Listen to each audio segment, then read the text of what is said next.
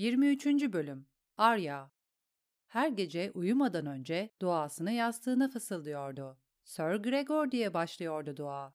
Dansın, tatlı ref, Sir Elin, Sir Merin, Kraliçe Cersei. Eğer bilseydi, geçitin freylerinin isimlerini de fısıldardı. Bir gün öğreneceğim, dedi kendine. Ve sonra hepsini öldüreceğim. Hiçbir fısıltı, siyahın ve beyazın evinde duyulmayacak kadar hafif değildi. Çocuk, dedi bir gün nazik bir adam. Geceleri fısıldadığın o isimler de ne? Ben isim filan fısıldamıyorum, dedi Arya. Yalan söylüyorsun, dedi adam. Korkunca bütün insanlar yalan söyler. Bazıları çok yalan söyler, bazıları az. Kiminin tek yalanı vardır. O muazzam yalanı o kadar çok tekrar eder ki sonunda kendi bile inanır. Ama küçük bir parçası bunun bir yalan olduğunu her zaman bilir ve bu yalan söyleyenin yüzünden okunur. Bana şu isimlerden bahset. Arya dudağını ısırdı. İsimler önemli değil. Önemli, diye ısrar etti nazik adam. Anlat bana çocuk. Anlat yoksa seni dışarı atarız. Diye duydu Arya. Onlar nefret ettiğim insanlar. Ölmelerini istiyorum. Bu evde böyle duaları çok duyarız. Biliyorum, dedi Arya. Bir zamanlar Jaqen Agar ona üç dua bahşetmişti. Yapmam gereken tek şey fısıldamaktı. Bize gelmenin sebebi bu mu? diye devam etti nazik adam. Sanatımızı öğrenmeye mi geldin? Nefret ettiğin adamları öldürebilmek için. Arya buna nasıl cevap vereceğini bilmiyordu. Olabilir.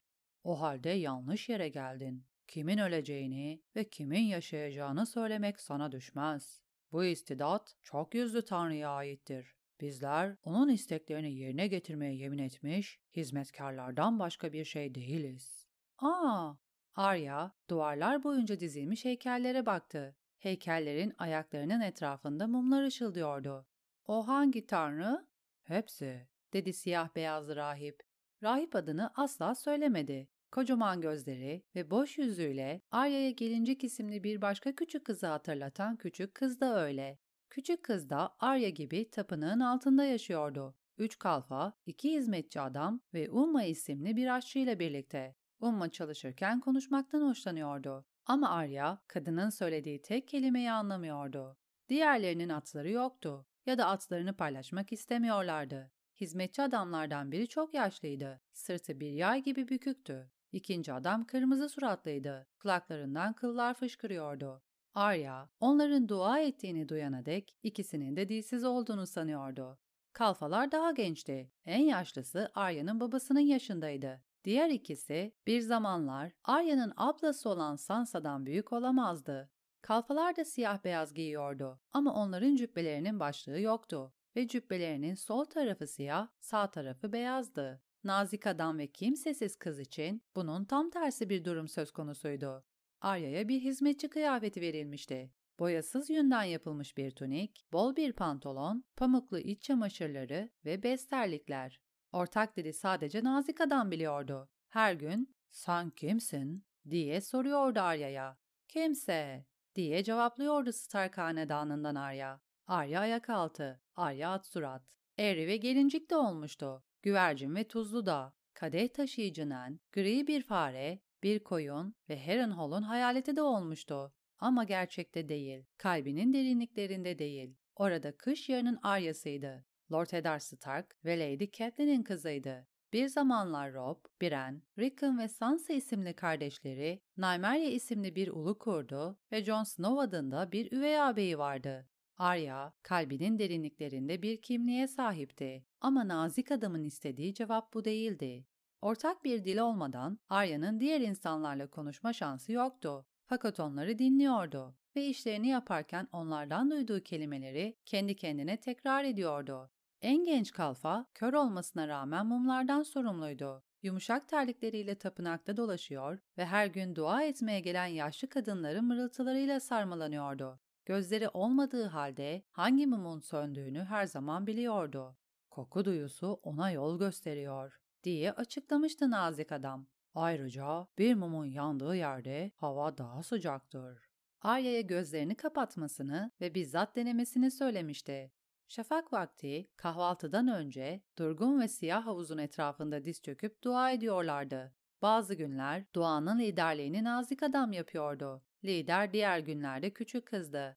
Arya, Bravos dilinden sadece birkaç kelime biliyordu. Yüksek Valeyre dilinin kelimeleriyle aynı olanları. Bu yüzden çok yüzlü Tanrı'ya kendi duasını okuyordu. Sir Gregor, Danson, Tatlı Rev, Sir Elin, Sir Merin, Kraliçe Cersei.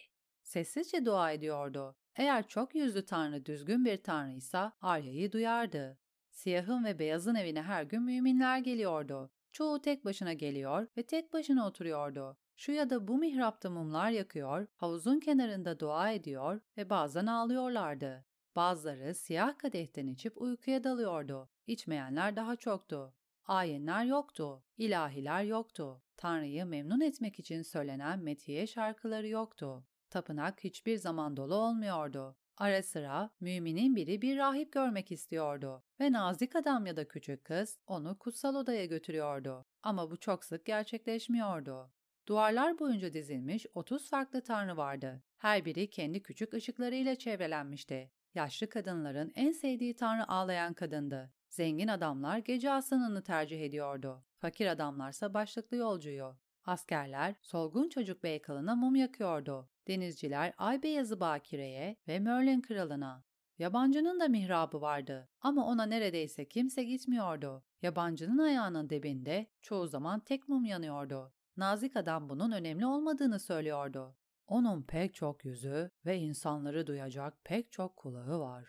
Üstünde tapınağı barındıran küçük tepe, kayalara oyulmuş geçitlerle petek petekti. Rahiplerin ve kalfaların uyku hücreleri ilk kademedeydi. Arya'nın ve hizmetçilerin hücreleri ise ikinci kademede. En alt kademe, rahipler dışında herkese yasaktı. Kutsal odanın bulunduğu yer orasıydı. Arya, çalışmadığı zamanlarda mahzenlerin ve depoların arasında istediği gibi gezmekte özgürdü. Ama tapınaktan ayrılmaması ve üçüncü kademeye inmemesi gerekiyordu. Silahlarla ve zırhlarla dolu bir oda buldu. Süslü miğferler, tuhaf göğüs kalkanları, uzun kılıçlar, hançerler, kamalar, arbeletler ve yaprak şekilli uçları olan uzun mızraklar. Bir başka mahzen kıyafetlerle doluydu. Kalın kürkler, 50 farklı renge boyanmış olağanüstü ipekler, bunlara yanında pis kokulu paçavralar ve eski püskü dokumalar. Bir hazine odası da olmalı diye karar verdi Arya. Gözünde altın tabak istifleri, gümüş sikkelerle dolu torbalar, deniz kadar mavi safirler, tombul ve yeşil inci dizileri canlandı. Bir gün nazik adam beklenmedik bir şekilde geldi ve ona ne yaptığını sordu. Arya adama kaybolduğunu söyledi. Yalan söylüyorsun. Daha beteri kötü yalan söylüyorsun. Sen kimsin? Kimse. Bir yalan daha. Nazik adam iç geçirdi. Biz, Arya'yı yalan söylerken yakalasaydı onu kanlı kanlı döverdi. Ama siyahın ve beyazın evinde işler farklıydı. Arya mutfakta çalıştığında eğer ayak altında dolaşırsa Uma tahta kaşığıyla onun avucuna vuruyordu. Ama bunun dışında kimse ona el kaldırmıyordu. Ellerini sadece öldürmek için kaldırıyorlar diye düşünüyordu Arya. Aşçıyla iyi anlaşıyordu. Uma, Arya'nın eline bir bıçak tutuşturuyor ve bir soğan gösteriyordu. Arya da soğanı doğruyordu. Uma, Arya'yı bir hamur yığınına doğru itiyordu ve Arya, aşçı dur diyene kadar hamuru yoğuruyordu. Dur, Arya'nın Bravos dilinde öğrendiği ilk kelimeydi. Umma, Arya'nın eline bir balık veriyordu ve Arya kılçığı çıkarıyor, balığı ince dilimler halinde kesiyor, sonra da aşçının ezdiği fındıkların içinde yuvarlıyordu. Nazik adam, Bravos'u çevreleyen tuzlu suların her türden balık ve kabuklu deniz hayvanıyla dolu olduğunu açıklamıştı. Yavaş akan kahverengi bir nehir güneyden deniz kulağına giriyor ve sazlıklarla, göllerle, çamurlu düzlüklerle dolu geniş bir alanı dolaşıyordu. O civarda yumuşakçalar boldu. Midyeler, ahtapotlar, kurbağalar, kaplumbağalar, çamur yengeçleri, leopar benekli yengeçler, mor yengeçler, kırmızı yılan balıkları, siyah yılan balıkları, çizgili yılan balıkları, bofalar ve istiridyeler. Bütün bu canlılar çok yüzlü tanrının hizmetkarlarının yemek yediği oymalı ahşap masada sık sık görünüyordu. Umma bazen balıkları deniz tuzu ve çekilmemiş karabiber taneleriyle tatlandırıyordu. Yılan balıklarını da kıyılmış sarımsakla pişiriyordu. Arada bir safran bile kullanıyordu. Alturta burayı severdi diye düşünüyordu Arya. Akşam yemeği Arya'nın en sevdiği vakitti. Geceleri dolu bir mideyle uyumayalı uzun zaman olmuştu. Bazı geceler nazik adam Arya'nın ona sorular sormasına izin veriyordu. Arya bir keresinde tapınağa gelen insanların neden hep o kadar huzurlu göründüğünü sordu. Onun geldiği yerde insanlar ölmekten korkardı. Arya, kılıcını o sivilceli yaverin karnına soktuğunda çocuğun nasıl ağladığını ve keçi tarafından ayı çukuruna atılan Sir Emery Lark'ın nasıl yalvardığını hatırlıyordu. Tanrı gözünün yanındaki köyü ve vadeci altınlarla ilgili sorular sormaya başladığında köylülerin nasıl çığlık atıp inlediğini hatırlıyordu. Ölüm en kötü şey değildir, diye yanıtladı nazik adam. Ölüm Tanrı'nın bize hediyesidir. Arzuları ve acıyı bitirir. Doğduğumuz gün çok yüzlü Tanrı her birimize birer kara melek gönderir. Bu melek hayatımız boyunca yanımızda yürür. Günahlarımız ve ızdıraplarımız taşıyamayacağımız kadar büyük olduğunda melek elimizden tutar ve bizi yıldızların daima parlayarak yandığı gece topraklarına götürür. Siyah kadehten içmeye gelen insanlar meleklerini arıyorlar. Eğer korkarlarsa mumlar onları sakinleştiriyor. Yanan mumlarımızı kokladığında neyin kokusunu alıyorsun çocuğum? Kış yarının kokusu diyebilirdi Arya. Karın, dumanın ve çam iğnelerinin kokusunu alıyorum. Ahırların kokusunu alıyorum. Gülen Hodor'un, avluda talim yapan John'la Rob'un ve aptal bir Lady Panayırı ile ilgili şarkı söyleyen Sansa'nın kokusunu alıyorum. Taş kralların oturduğu mahzen mezarların kokusunu alıyorum. Sıcak ekmeklerin kokusunu alıyorum. Tanrı korusunun kokusunu alıyorum. Kurdumun kokusunu alıyorum. Onun kürkünün kokusunu. Hala yanımdaymış gibi. Adamın ne söyleyeceğini görmek için ben koku filan almıyorum dedi. Yalan söylüyorsun dedi adam. Ama istersen sırlarını saklı tutabilirsin. Stark hanedanından Arya. Adam, Arya'dan hoşnutsuz olduğu zamanlarda ona bu isimle hitap ediyordu. Buradan ayrılabileceğini biliyorsun. Bizden biri değilsin. Henüz değilsin. İstediğin zaman evine dönebilirsin. Eğer ayrılırsam geri gelemeyeceğimi söylemiştin. Aynen öyle. Bu kelimeler Arya'yı hüzünlendirdi. Eskiden Sirio da böyle söylerdi diye hatırladı. Sürekli söylerdi. Sirio ona iğne işi öğretmiş ve sonra onun için ölmüştü. Ayrılmak istemiyorum. Öyleyse kal ama unutma, siyahın ve beyazın evi bir öksüz yuvası değildir. Bu çatının altındaki herkes hizmet etmek zorundadır. Biz burada Valardo Hayris deriz. İstiyorsan kal ama senden itaat beklediğimizi de bil. Her zaman ve her konuda. Eğer itaat edemezsen ayrılmak zorundasın. İtaat edebilirim. Göreceğiz. Arya'nın Uma'ya yardım etmekten başka görevleri de vardı. Tapınağın yerlerini süpürüyordu. Yemeklerde servis yapıyordu. Ölü adamların kıyafetlerinden oluşan yığınları tasnif ediyordu. Adamların keselerini boşaltıyor ve keselerden çıkan sikkeleri sayıyordu. Her sabah ölüleri bulmak için tapınağı dolaşan nazik adamın yanında yürüyordu. Sirio'yu hatırlayarak gölge kadar sessiz diyordu kendi kendine. Demirden yapılmış kalın kapakları olan bir fener taşıyordu. Her duvar nişinde duruyor ve ceset aramak için fenerin kapağını açıyordu. Ölüleri bulmak hiç zor değildi. İnsanlar siyahın ve beyazın evine geliyor, bir saat ya da bir gün ya da bir yıl dua ediyor, havuzun tatlı siyah suyundan içiyor ve şu ya da bu tanrının arkasındaki taş yataklardan birine uzanıyordu. Gözlerini kapatıyor, uyuyor ve hiç uyanmıyorlardı. Çok yüzlü Tanrı'nın lütfu sayısız şekle bürünür, diyordu nazik adam. Ama burada daima mülayimcedir. Bir beden bulduklarında nazik adam dua okuyor ve hayatın bedenden ayrıldığından emin oluyordu. Arya da hizmetçi adamları çağırıyordu. Ölüleri mahzenleri taşımak onların işiydi. Kalfalar bedenleri soyuyor ve yıkıyordu. Ölü insanların kıyafetleri ve sikkeleri daha sonra tasnif edilmek üzere bir sepete atılıyordu. Soğuk cesetler sadece rahiplerin gidebildiği kutsal alt odaya götürülüyordu. Arya orada neler olduğunu bilme iznine sahip değildi. Bir keresinde akşam yemeğini yerken korkunç bir şüpheye kapıldı. Bıçağını masaya bıraktı ve önündeki beyaz et dilimine kuşkuyla baktı. Nazik adam Arya'nın yüzündeki dehşeti gördü. Bu domuz eti çocuk, dedi. Sadece domuz eti. Arya'nın yatağı taştı. Ona Harrenhal'u ve Whils'in emrinde basamak ovarken yattığı yatağı hatırlatıyordu. Şilte sama yerine paçavralarla doldurulmuştu. Bu yüzden Harrenhal'daki şilteden daha yumruluydu. Ama aynı zamanda daha az kaşındırıyordu.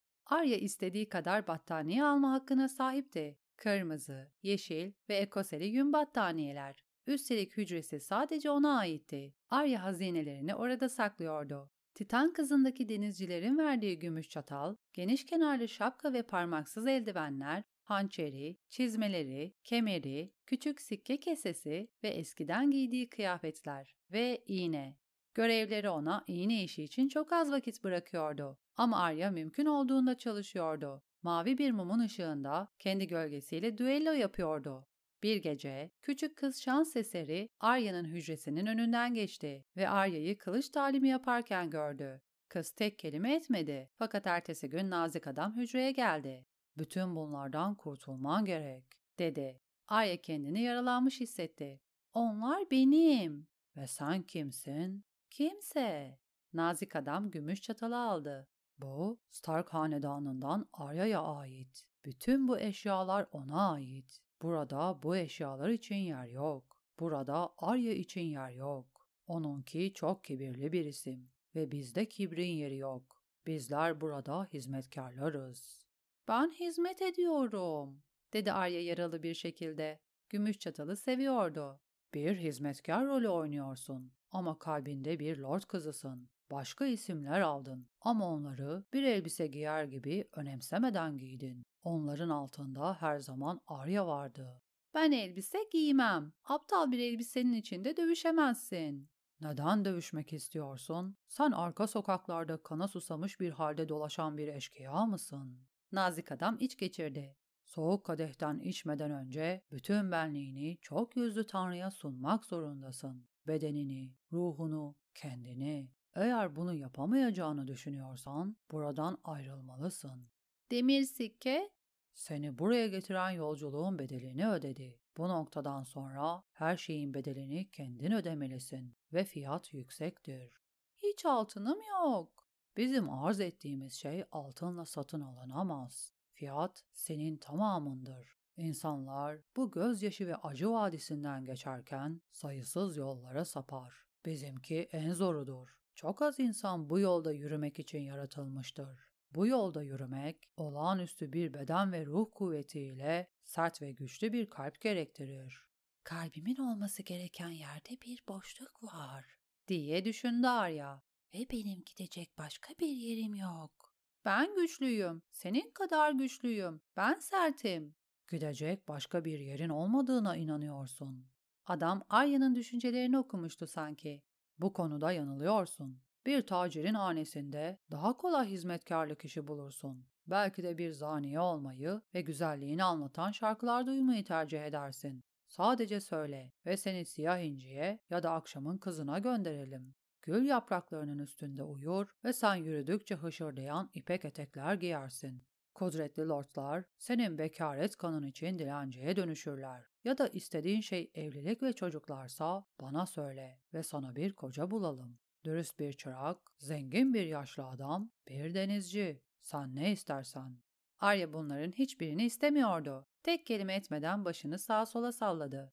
Hayalini kurduğun şey Batı diyar mı çocuk? Luca Prestine'ın ışıltılı lady'si yarın sabah yelken açacak. Martı kasabası, Gölgeli Vadi, Kral toprakları ve Tiroş'a gidecek. Sana gemide bir yer bulalım mı? Batı diyardan yeni geldim, dedi Arya. Bazen kral topraklarından kaçışının üstünden bin yıl geçmiş gibi hissediyordu ve bazen sadece dönmüş gibi ama geri dönemeyeceğini biliyordu. Beni istemiyorsan giderim ama oraya gitmeyeceğim. Benim ne istediğim önemli değil, dedi nazik adam. Belki de çok yüzlü Tanrı seni onun aracısı olman için buraya getirdi. Lakin sana baktığımda bir çocuk görüyorum. Daha beteri bir kız çocuğu görüyorum. Yüzyıllar içinde pek çok insan çok yüzlü Tanrı'ya hizmet etti ama Tanrı'nın hizmetkarlarının çok azı kadındı. Kadınlar dünyaya hayat getirir. Biz ölüm hediyesi getiririz. Kimse ikisini birden yapamaz. Beni korkutmaya çalışıyor diye düşündü Arya. Solucanla yaptığı gibi. Bu benim umurumda değil.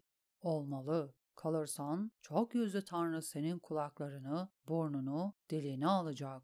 Çok şey görmüş, hüzünlü gri gözlerini alacak. Ellerini, ayaklarını, kollarını, bacaklarını ve mahrem yerlerini alacak. Umutlarını, hayallerini, sevgilerini ve nefretlerini alacak. Onun hizmetine girenler, onları var eden her şeyden vazgeçmek zorundadırlar. Bunu yapabilir misin? Nazik adam Arya'nın çenesini tuttu ve gözlerinin içine baktı. Öyle derin bakmıştı ki Arya titredi. Hayır, dedi adam. Yapabileceğini sanmıyorum. Eğer istersem yapabilirim. Böyle diyor Stark hanedanından Arya. Mezar solucanı yiyen Arya. İstediğim her şeyden vazgeçebilirim. Adam Arya'nın hazinelerini gösterdi. Öyleyse bunlardan başla. O gece yemekten sonra Arya hücresine gitti. Kıyafetini çıkardı ve duasındaki isimleri fısıldadı ama uyuyamadı. Dudağını ısırarak paçavralarla dolu şiltesinin üstünde dönüp durdu. Eskiden kalbinin olduğu yerdeki boşluğu hissedebiliyordu.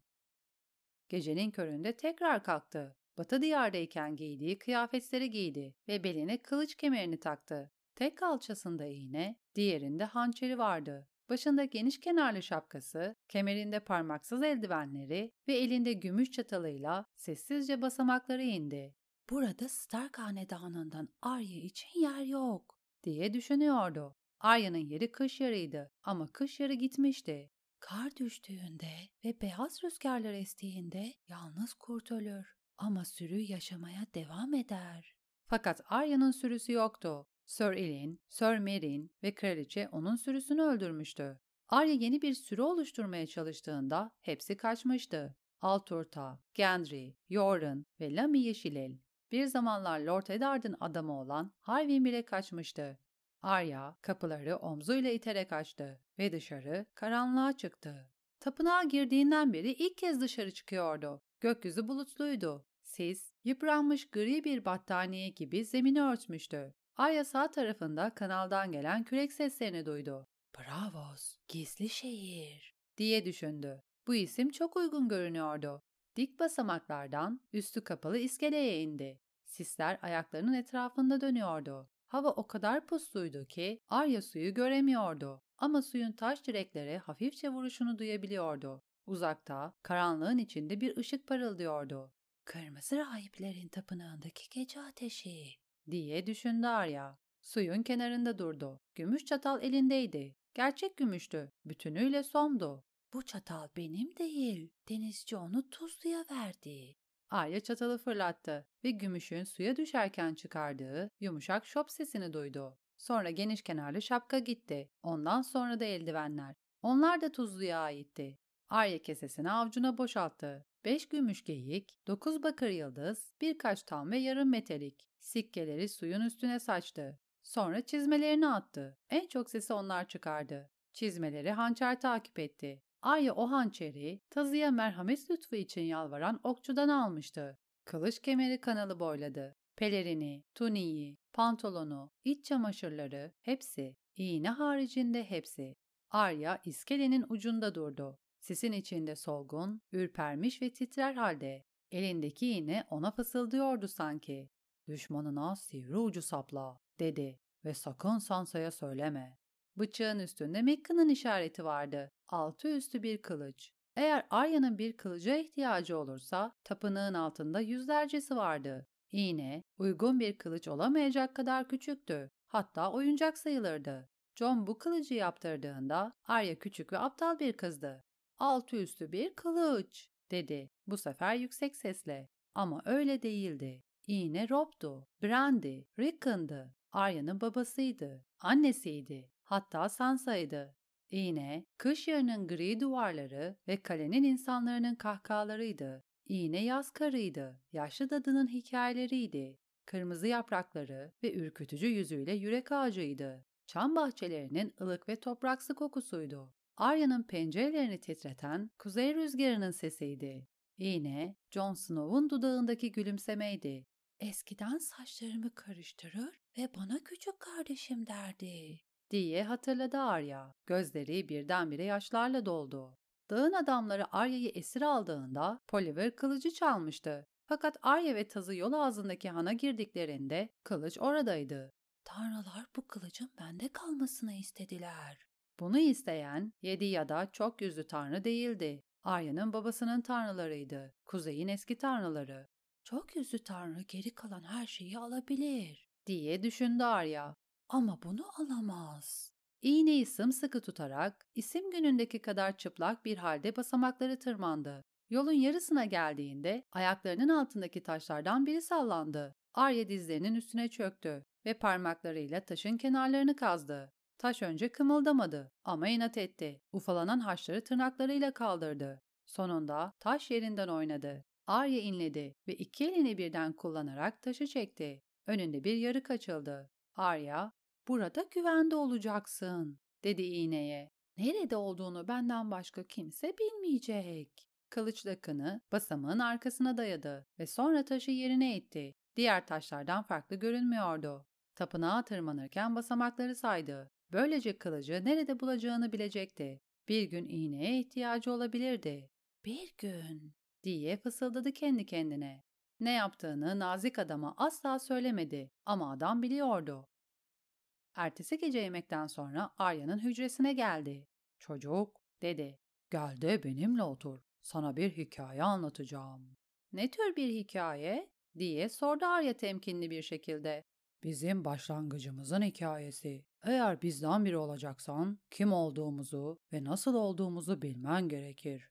İnsanlar Bravos'un yüzsüz adamları hakkında fısıldaşabilir. Ama bizler gizli şehirden daha yaşlıyız. Titan'ın doğuşundan önce, Aduron'un maskesiz bırakılışından önce, kuruluştan önce biz vardık. Biz bu kuzeyli sislerin arasında Bravos'ta çiçek açtık. Ama ilk kez Valeira'da Özgür Kale'nin gecelerini aydınlatan, 14 alevlerin altındaki derin madenlerde çalışan sefil kölelerin arasında kök saldık. Madenlerin çoğu ölü taşlara oyulmuş nemli ve soğuk yerlerdir. Fakat 14 alevler erimiş taşlardan damarları ve ateşten kalpleri olan canlı dağlardı. Bu yüzden eski Valeira'nın madenleri her zaman sıcaktı ve tüneller daha derinlere indikçe madenler daha da ısınırdı. Köleler bir ocağın içinde çalışırdı. Etraflarındaki taşlar el değdiremeyecekleri kadar sıcak olurdu. Hava kükürt kokardı ve kölelerin ciğerlerini kavururdu. Kölelerin ayak tabanları en kalın sandaletlere rağmen yanar ve su toplardı. Köleler bazen altın bulmak için bir duvarı kırdıklarında altın yerine buhar, kaynar su ya da erimiş kaya bulurlardı. Bazı tüneller o kadar alçaktı ki köleler ayakta duramazdı. Eğilmek ya da emeklemek zorunda kalırlardı. Ve o kırmızı karanlığın içinde yılanlar da vardı. Toprak yılanları mı? diye sordu Arya kaşlarını çatarak. Ateş yılanları. Bazıları onların ejderhalarla akraba olduğunu söyler. Çünkü yılanlar da ateş solurdu. Gökyüzünde süzülmek yerine taşları ve toprağı delerek hareket ederlerdi. Eğer eski hikayelere inanacak olursak 14 ateşlerin arasında ejderhalardan önce ateş yılanları vardı. Genç olanlar senin şu cılız kolundan daha uzun değildi. Ama büyüdüklerinde devasa boyutlara ulaşabilirlerdi ve insanları sevmezlerdi. Köleleri öldürürler miydi? Kayaların çatlak ya da delikli olduğu tünellerde yanmış ve kararmış cesetlere sık rastlanırdı. Buna rağmen madenler derinleşip durdu. Sayısız köle zahil oldu ama efendiler umursamadı. Kırmızı altın, sarı altın ve gümüş kölelerin hayatından daha değerli addedilirdi. Çünkü eski özgür kalede köleler ucuzdu. Valeyralılar savaş sırasında binlerce köle aldılar. Barış zamanlarında onları çiftleştirip çoğalttılar. Ama kölelerin en kötülerini kırmızı karanlıkta ölmek üzere aşağı gönderdiler. Köleler ayaklanıp dövüşmedi mi? Bazıları yaptı, dedi nazik adam. Madenlerde sık sık ayaklanma çıkardı ama çok azı başarıyla sonuçlanırdı. Eski Özgür Kale'nin ejderha loçları büyücülük konusunda güçlüydü ve daha güçsüz adamlar onlara hayatları pahasına meydan okurdu. İlk yüzsüz adam o meydan okuyanlardan biriydi. Düşünmek için durmadan önce kimdi deyiverdi Arya. Kimse diye yanıtladı adam. Bazıları onun da bir köle olduğunu söyler. Bazıları da bir mülk sahibinin oğlu olduğunu ve soylu bir silsileden geldiğini iddia eder. Emrindeki kölelere merhamet eden bir maden müfettişi olduğunu söyleyenlere bile rastlayabilirsin. Gerçek şu ki kimse bilmiyor. O her kimdiyse kölelerin arasında dolaştı ve onların dualarını duydu. Madenlerde yüz farklı ulustan adam çalışıyordu ve her biri kendi dilinde kendi tanrısına yakarıyordu. Ama hepsi aynı şey için dua ediyordu. İstedikleri azattı, acının son bulmasıydı. Küçük ve basit bir şey. Lakin tanrılar cevap vermiyordu ve adamların ızdırabı devam ediyordu. Bütün tanrılar sağır mı diye merak etti bizim adam. Sonra bir gece kırmızı karanlığın içinde bir idrak anı yaşadı. Bütün tanrıların vasıtaları vardır. Onlara hizmet eden ve onların buyruklarını yeryüzünde işleten erkekler ve kadınlar. Köleler aslında yüz farklı tanrıya yakarmıyordu. Yüz suratı olan bir tek tanrıya sesleniyorlardı ve bizim adam o tanrının vasıtasıydı. O gece kölelerin en perişan olanını seçti. Azat için en içten dua edenini ve onu zincirlerinden kurtardı. İlk hediye verilmişti. Arya nazik adamdan uzaklaştı. Köleyi öldürdü mü? Bu kulağa doğru gelmiyordu. Efendileri öldürmeliydi. Hediyeyi onlara da götürdü. Ama bu başka bir günün hikayesi. Kimseyle paylaşılmaması daha iyi olan bir hikaye. Nazik adam başını yana eğdi. Peki sen kimsin çocuk? Kimse. Bir yalan. Nasıl biliyorsun? Bu bir sihir mi? Eğer gözlerin varsa gerçeği yalandan ayırt edebilmek için sihirbaz olman gerekmez. Sadece yüzleri okumayı öğrenmen gerekir. Gözlere bak, ağza, çene kenarındaki ve boynun omuzlara bağlandığı yerdeki kaslara. Nazik adam iki parmağıyla Arya'ya dokunup kasların yerini gösterdi. Bazı yalancılar gözlerini kırpar, bazıları boş boş bakar, bazıları bakışlarını kaçırır, bazıları dudaklarını yalar, Pek çoğu yalan söylemeden önce hilekarlığını gizlemek istermişçesine ağzını örter. Diğer işaretler daha belirsiz olabilir ama her zaman oradadırlar. Sahte bir gülüşle gerçek bir gülüş aynı gibi görünebilir. Ama sabah karanlığıyla akşam karanlığı kadar farklıdır. Sabah karanlığını akşam karanlığından ayırabilir misin? Arya başıyla onayladı ama bunu yapabileceğinden emin değildi. Öyleyse yalanı görmeyi de öğrenebilirsin ve öğrendiğinde kimse senden sır saklayamaz. Bana öğret. Eğer öğrenmek için yapması gereken şey buysa kimse olacaktı. Kimsenin içinde hiç boşluk yoktu. O sana öğretecek, dedi nazik adam. Küçük kız Arya'nın kapısının dışında belirdi. Bravos dilinden başlayarak. Eğer konuşamazsan ve anlayamazsan ne işe yararsın? Sen de kendi dilini ona öğreteceksin. İkiniz birlikte birbirinizden öğreneceksiniz. Bunu yapacak mısın? Arya evet dedi ve o andan itibaren siyahın ve beyazın evinde bir çıraktı. Hizmetçi kıyafetleri geri alındı ve yerine bir cübbe verildi. Arya'nın bir zamanlar kış yarında örtündüğü, kırmızı battaniye kadar yumuşak, siyah beyaz bir cübbe. Arya cübbenin altına ince beyaz ketenden yapılmış iç çamaşırları ve dizlerinin altına kadar inen siyah bir işlik giydi. O günden sonra Arya ve küçük kız birlikte vakit geçirdiler. Şuna dokunup bunu işaret ederek birbirlerine kendi lisanlarından birkaç kelime öğretmeye çalıştılar. Önce basit kelimeler, kadeh, mum ve ayakkabı, sonra daha zorları ve sonra da cümleler. Bir zamanlar Sirio Farel, Arya'yı titreyene kadar tek ayağının üstünde durmaya zorlardı. Sonra onu kedi kovalamaya gönderirdi. Arya, elinde sopadan devşirme bir kılıçla ağaç dallarının üstünde su dansı yapmıştı. Zor şeylerdi ama bu daha zordu. Bir gece bildiğini düşündüğü kelimelerin yarısını unuttuktan ve diğer yarısını da küçük kızı güldürecek kadar kötü telaffuz ettikten sonra dikiş dikmek bile dil öğrenmekten daha eğlenceliydi, dedi kendi kendine. Cümlelerim eskiden dikişimin olduğu kadar yamuk yumuk. Eğer küçük kız o kadar minik ve zayıf olmasaydı Aryon'un o aptal suratını ezebilirdi. Bunu yapmak yerine dudağını ısırdı.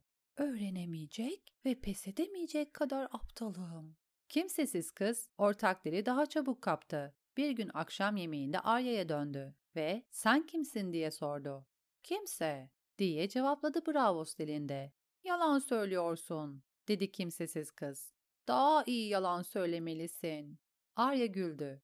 Daha mı? Aptal. Daha iyi demelisin. Aptal daha iyi. Sana göstereceğim. Ertesi gün yalan oyununa başladılar. Birbirlerine sırayla sorular soruyorlardı. Bazen doğru cevaplar veriyor, bazen de yalan söylüyorlardı. Soruları soran hangi cevabın gerçek ve hangisinin yalan olduğunu söylemek zorundaydı. Küçük kız her seferinde biliyordu. Arya tahmin etmek zorunda kalıyordu ve çoğu zaman yanlış tahmin ediyordu. Bir keresinde ortak dilde "Kaç yaşındasın?" diye sordu küçük kız. On parmağını havaya kaldırarak "On." dedi Arya. Hala on yaşında olduğunu düşünüyordu ama kesin olarak bilmek zordu. Bravoslular günleri Batı diyarlılardan farklı bir şekilde sayıyordu. Arya'nın tek bildiği isim gününün gelip geçtiğiydi.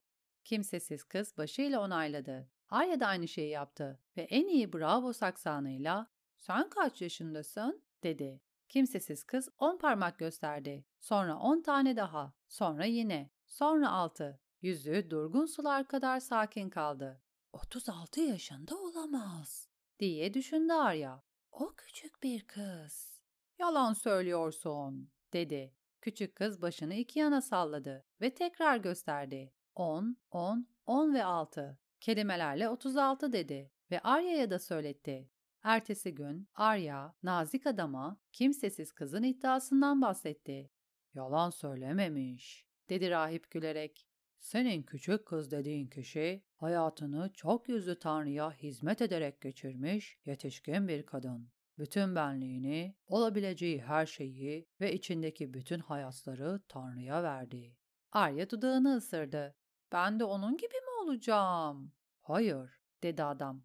İstemezsen olmazsın. Onu zehirler bu hale getirdi.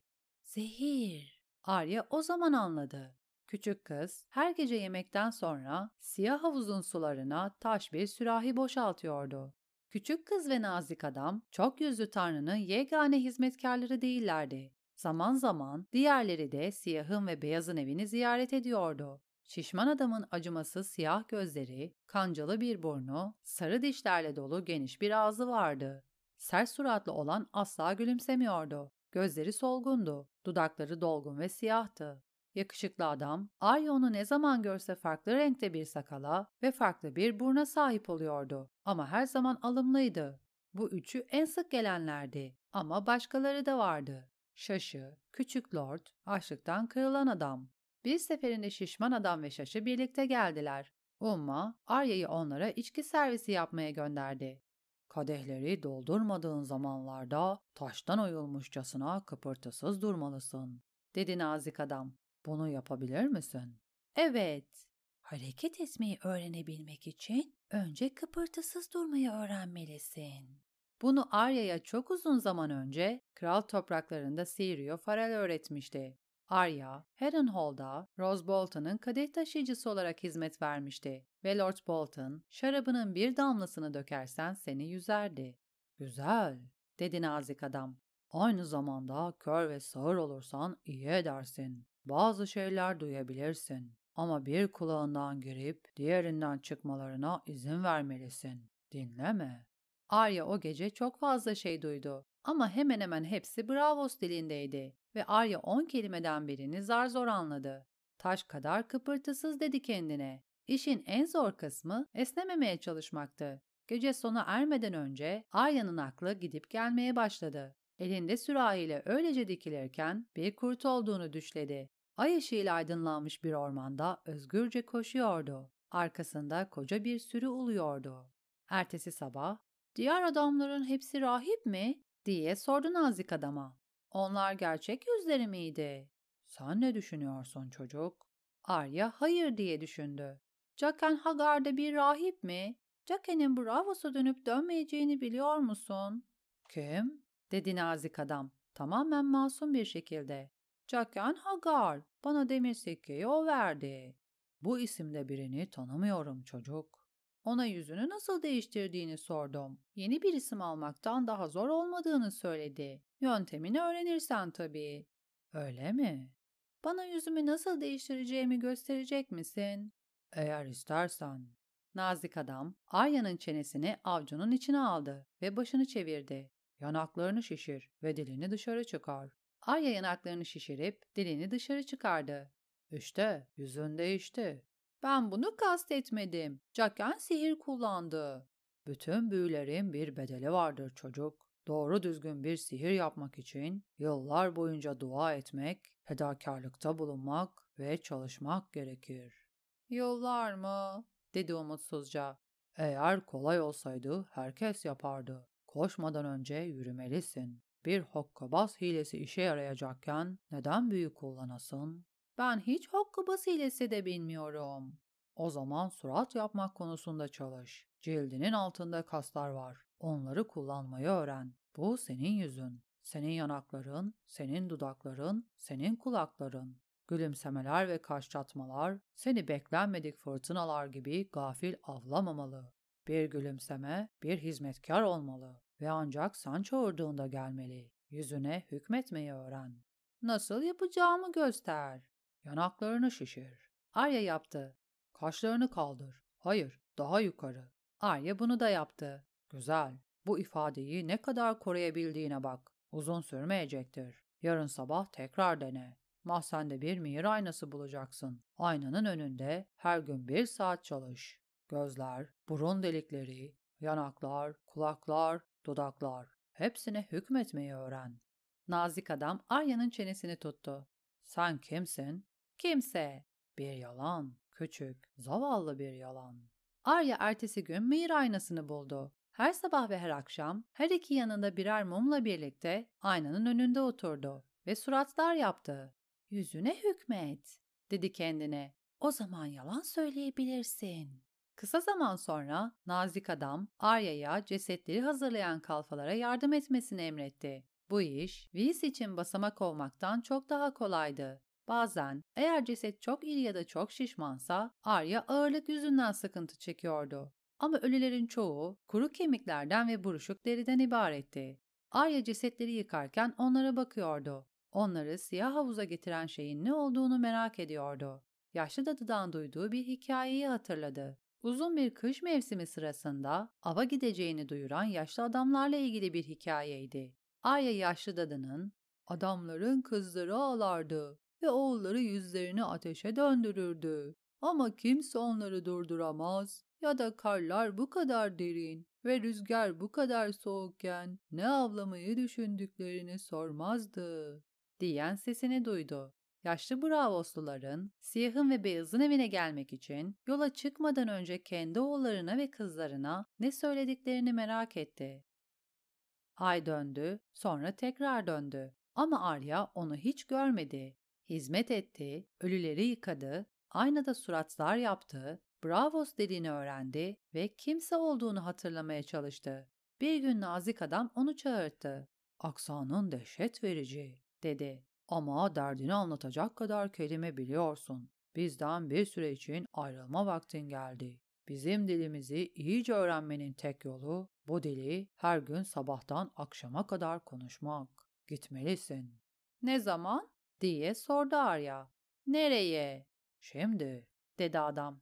Bu duvarların ardında Bravos'un denizdeki yüz adasını bulacaksın. Midye'nin ve İstiridye'nin bizim dilimizdeki karşılıklarını öğrendin, değil mi? Evet, dedi Arya. Kelimeleri en iyi Bravo saksanıyla tekrar etti. Arya'nın en iyi Bravo saksanı nazik adamı gülümsetti. İşe yarar. Boğulmuş kasabanın altındaki rıhtımlarda Brusco isimli bir balık satıcısı bulacaksın. Kötü bir sırtı olan iyi bir adamdır. El arabasını itecek ve midyeleriyle istiridyelerini gemilerdeki denizcilere satacak bir kıza ihtiyacı var. O kız sen olacaksın. Anladın mı? Evet. Ve Brusco sana kim olduğunu sorduğunda kimse. Hayır, bu sadece evin içinde geçerli. Arya duraksadı. Tuz çukurundan tuzlu olabilirim. Ternesio Teris ve Titan'ın kızının mürettebatı tuzluyu tanıyor. Konuşma şeklin seni mimliyor. Yani batı diyardan gelen bir kız olmalısın. Ama başka bir kız. Arya dudağını ısırdı. Ket olabilir miyim? Ket. Nazik adam düşündü.